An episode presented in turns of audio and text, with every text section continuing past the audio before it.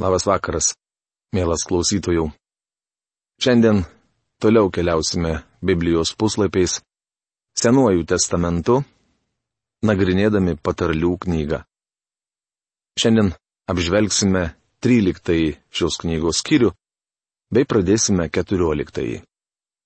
Prieš pradėdamas apžvalgą noriu paprašyti, kad Dievas palaimintų mus.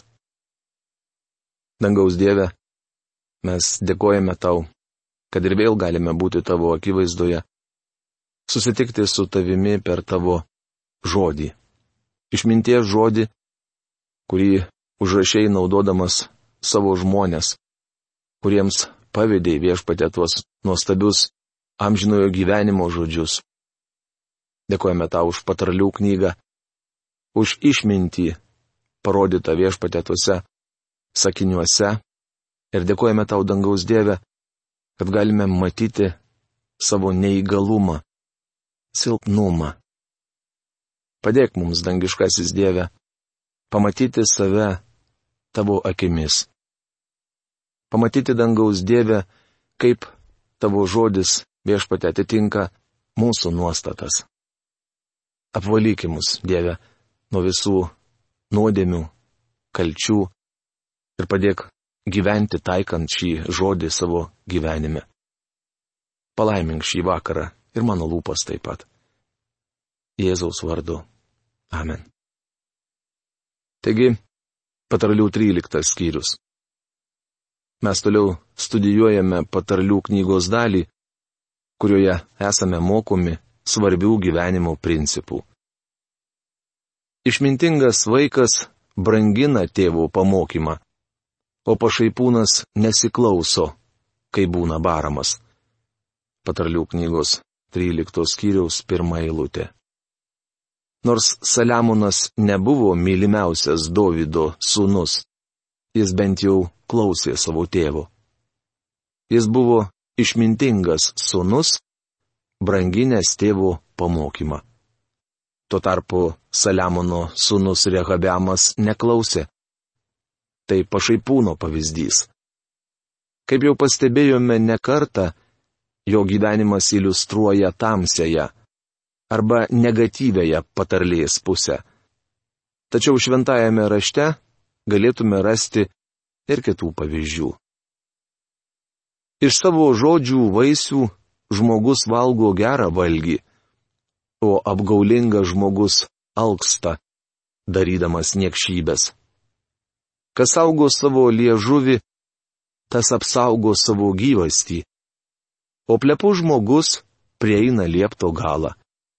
Patarlių knygos 13 skyriaus 2-3 eilutės. Šiandien sklinda daug vailų kalbų. Tai liežuvavimas, paskalos, dviprasmybės. Dviprasmiškų juokelių pasigirsta net tarp krikščionių.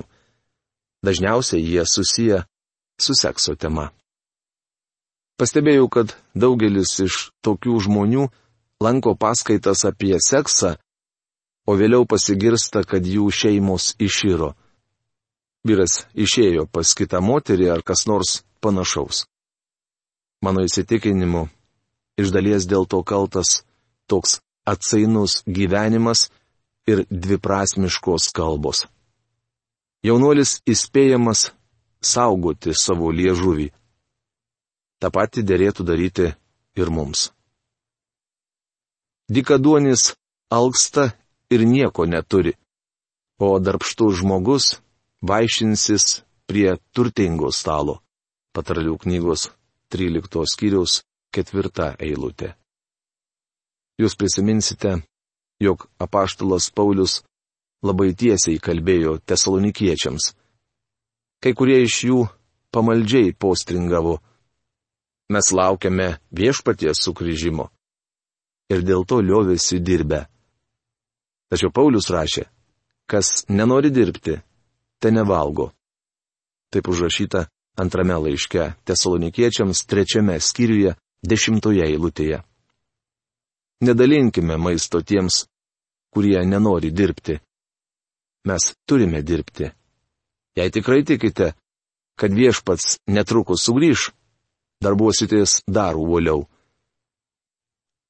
Teisus žmogus nekenčia melo, o nedoras melu ir gyvena. Teisumas saugo žmogų, kuris eina dorų keliu. O nuodėmė pražudo nedorėlį. Patarlių 13 skyriaus 5-6 eilutės. Čia kalbama apie vidinę tiesą, kuri susijusi su praktiniu teisumu. Dievas nekenčia melo. Negali jo toleruoti. Dievo vaikas turėtų pastebėti savo gyvenime bet kokią nuodėmę ir su ją susidoroti. Mūsų senoji prigimtis linkusi meluoti. Netiesa savaime veržiasi iš mūsų lūpų. Dievas sako, jog nekenčia to ir imsis reikiamų priemonių. Vieni dedasi turtingais, bet nieko neturi, kiti dedasi vargšais, bet turi didelius turtus. Patarlių knygos 13 skyriaus 7 eilutė. Tai dar vienas pavyzdys susijęs su senaja prigimtimi, kurią visi turime. Būdami neturtingi mes dedamės turtingais, nenorėdami atsilikti nuo kaimynų ar pažįstamų. Dedamės turi daugiau negu turime iš tikrųjų. Kai kurie žmonės važinėja kadilakais, norėdami padaryti įspūdį kitiems, nors iš tikrųjų toks automobilis jiems per brangus. Dar kiti apsigyvena turtuolių kvartale, išleisdami paskutinės savo santaupas. Visa tai vardan garbės. Kita vertus yra turtuolių, kurie nuolat skundžiasi savo neturtu. Bažnyčia, kurioje tarnavau, lankė vienas piniguočius. Tačiau jis aukojo be nemažiausiai iš visų. Jis nuolat kalbėjo apie aukštas kainas ir apie tai, kaip brangiai jam viskas kainuoja. Tas vyras sakydavo, jog bankrutuosias, jei reikalai nepasitaisys. Tiek vieni, tiek kiti yra pasibjaurėtini Dievui, nes jie veidmainiai. Tai apsimetimas tuo, kuo nesi. Mums nereikia stengtis neatsilikti nuo kaimynų, arba apsimesti, kad jų iš viso nepažįstame.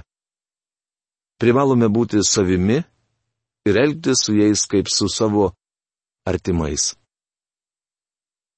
Teisiųjų šviesa džiūgauja, o nedorelių žibintas gesta. Patarlių knygos 13 skyriaus 9 eilutė. Komet studijavome Izraelio karalių istoriją, matėme, kaip šis principas veikia praktikoje. Šiaurinėje karalystėje vienas karalius skaitė kitą. Jų karaliavimas nutrūkdavo staiga. Dažnai jie būdavo žiauriai nužudomi. Dievas sako, nedorilių žibintas gesta. Šiame pasaulyje tai vyksta nuolat. Tiek Hitlerio, tiek Stalino galas buvo apgailėtinas. Kvailas žmogus įžulumu sėja vaidus, o išmintis atitenka priimantiems patarimą.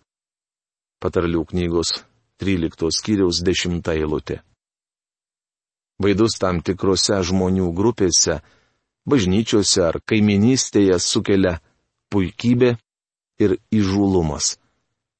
Taip yra visuomet. Kaip kažkas yra pasakęs, tarp dviejų žmonių visada kyla ginčas. Iš karto įgyti turtai sunyks, o kas po truputį kaupia, tas juos didina. Patarlių knygos 13 skyriaus 11 eilutė.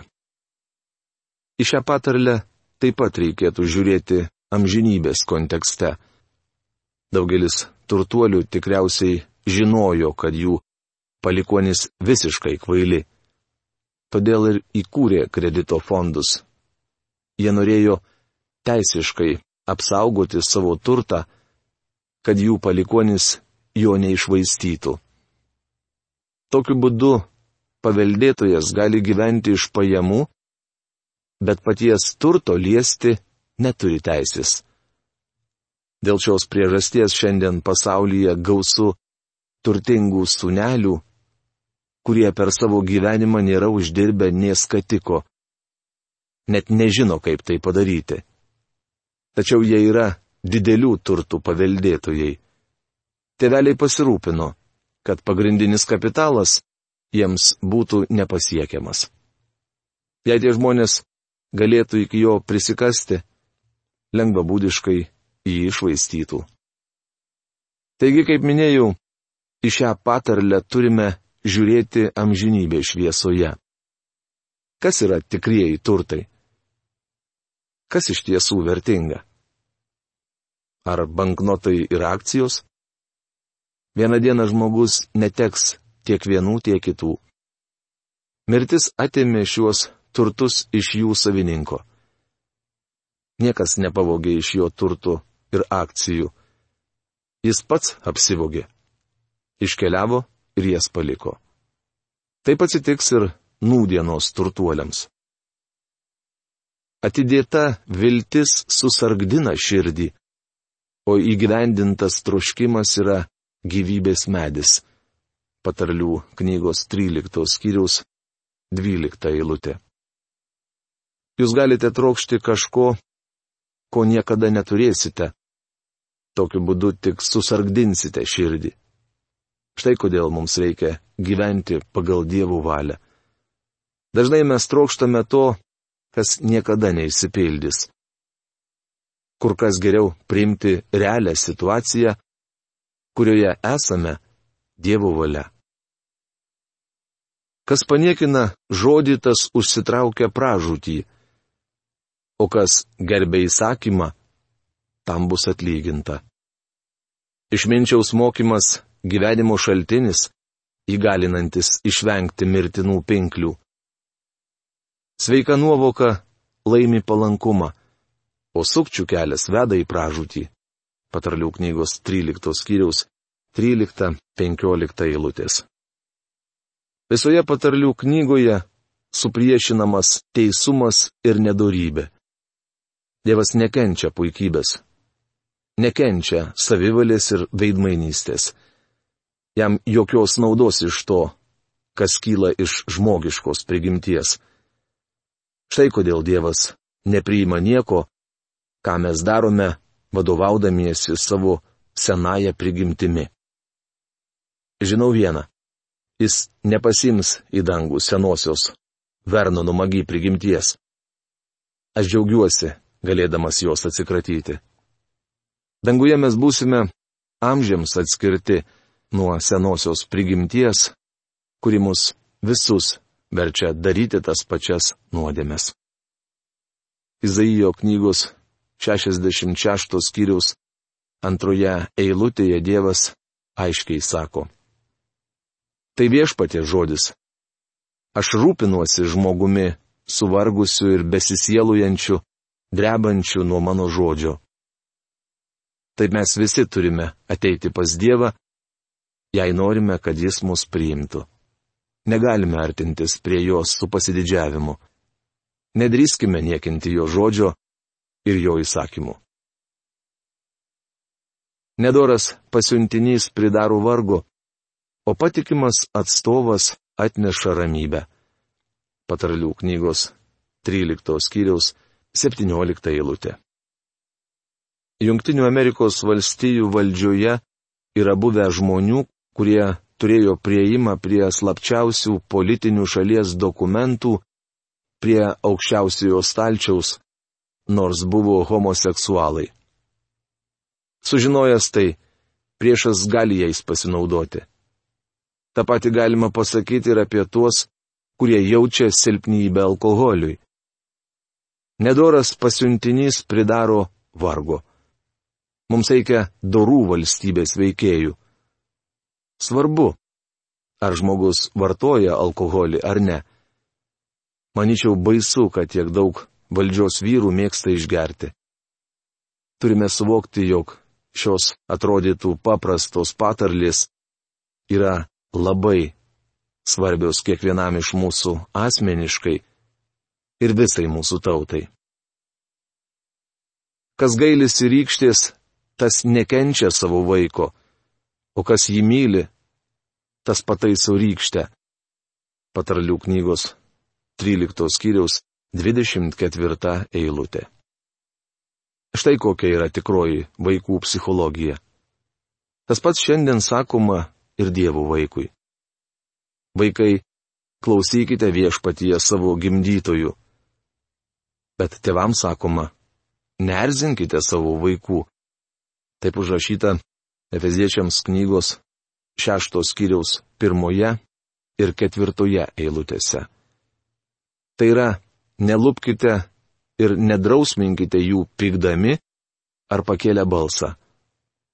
Palaukite, kol galėsite ramiai atsisėsti šalia savo vaiko ir paaiškiti jam, kodėl jį drausminate. Tai labai svarbu. Dėl šios priežasties mano tėvo drausminimas buvo labai efektyvus. Dažnai jis nubausdavo mane praėjus kelioms valandoms po to, kai aš prasikalsdavau, o kartais net kitą dieną. Keletą kartų aš jau maniau, jog liksiu nenubaustas, tačiau klydau. Jis kalbėdavosi su manimi labai ramiai. Žinojau, kad tėvas neimdavo manęs bausti iš karto, nes būdavo supykęs. Drausminimas yra labai svarbus. Patarlių knyga 14 skyrius. Patarlių knyga yra svarbi Dievo žodžio dalis. Šiuose trumpuose pamokymuose slypi Dievo išmintis. Matome, kad šios patarlės puikiai tinka ne tik vieniems ar kitiems Biblijos veikėjams, bet ir mūsų pažįstamiems. Dar daugiau jos tinka jums ir man. Išmintinga moteris statosi namus, o kvaila savuosius nugriauna savo rankomis.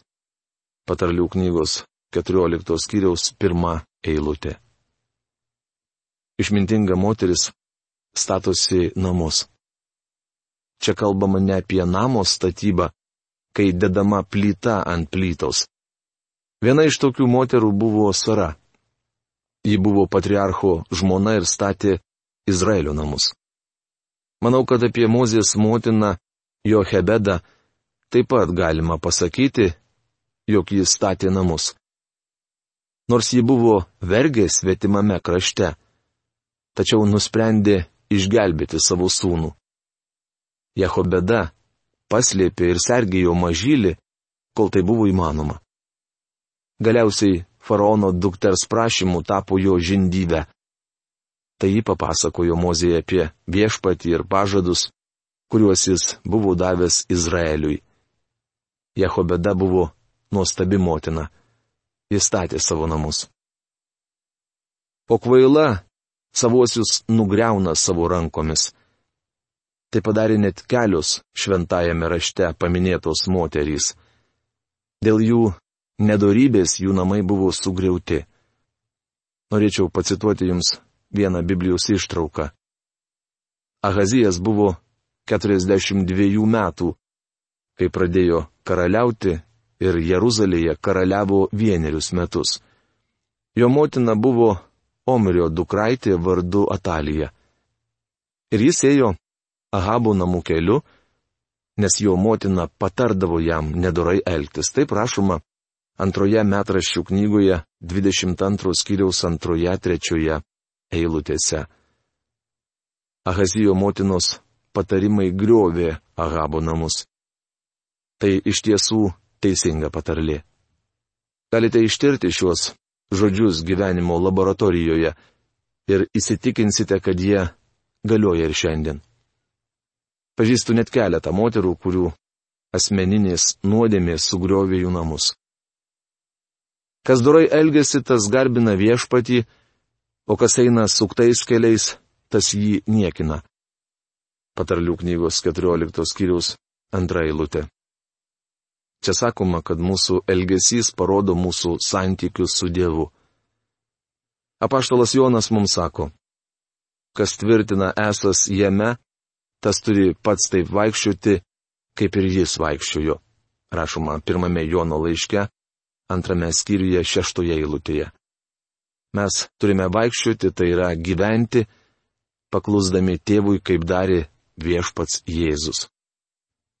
Jūs prisimenate, kad Samuelis išklojo karalių Sauliui. Argi tiek pat džiugina viešpatį deginamosios aukos ir krūvinos aukos, kiek klusnumas viešpaties balsui? Tikrai klusnumas geriau už krūviną auką ir atsidavimas už avinų taukus. Rašoma pirmoje Samuelio knygoje 15 skyriuje 22 eilutėje. Labai svarbu paklusti viešpačiui. Be paklusnumo jam jūsų religija yra netikra, apsimeteliška. Taigi, mielas klausytojų, šiais pamokančiais žodžiais aš noriu, kad šios dienos laida ir užsibaigtų. Ir kad kiekvienas iš mūsų galėtume susimastyti, kokiugi keliu aš einu. Mes turėtume labai aiškiai suprasti, ką kalba šventasis raštas. Kad tikėjimas yra pasitikėjimas dalykais, kuriais žmogus vilėsi ir įsitikinimas, kuriais neregi. Šita išmintis nėra išmintis vien tada, kada mes apie ją kalbame, dalinamės, kada vieni kitiems sakome, pasakojame. Bet šita išmintis tampa kūnu, tada, kada mes taip vaikštome, taip regime, taip žiūrime, taip liečiame. Tiksliau, tikėjimas yra veiksmo žodis. Veiksmo žodinis. Tikėti reiškia taip ir elgtis, kaip kalbi. O tai neįmanoma padaryti mūsų žmogiškomis pastangomis. Jeigu tai būtų įmanoma padaryti žmogiškomis pastangomis, kam mums būtų reikalingas Kristus? Bet juk šita išmintis ir yra Kristus.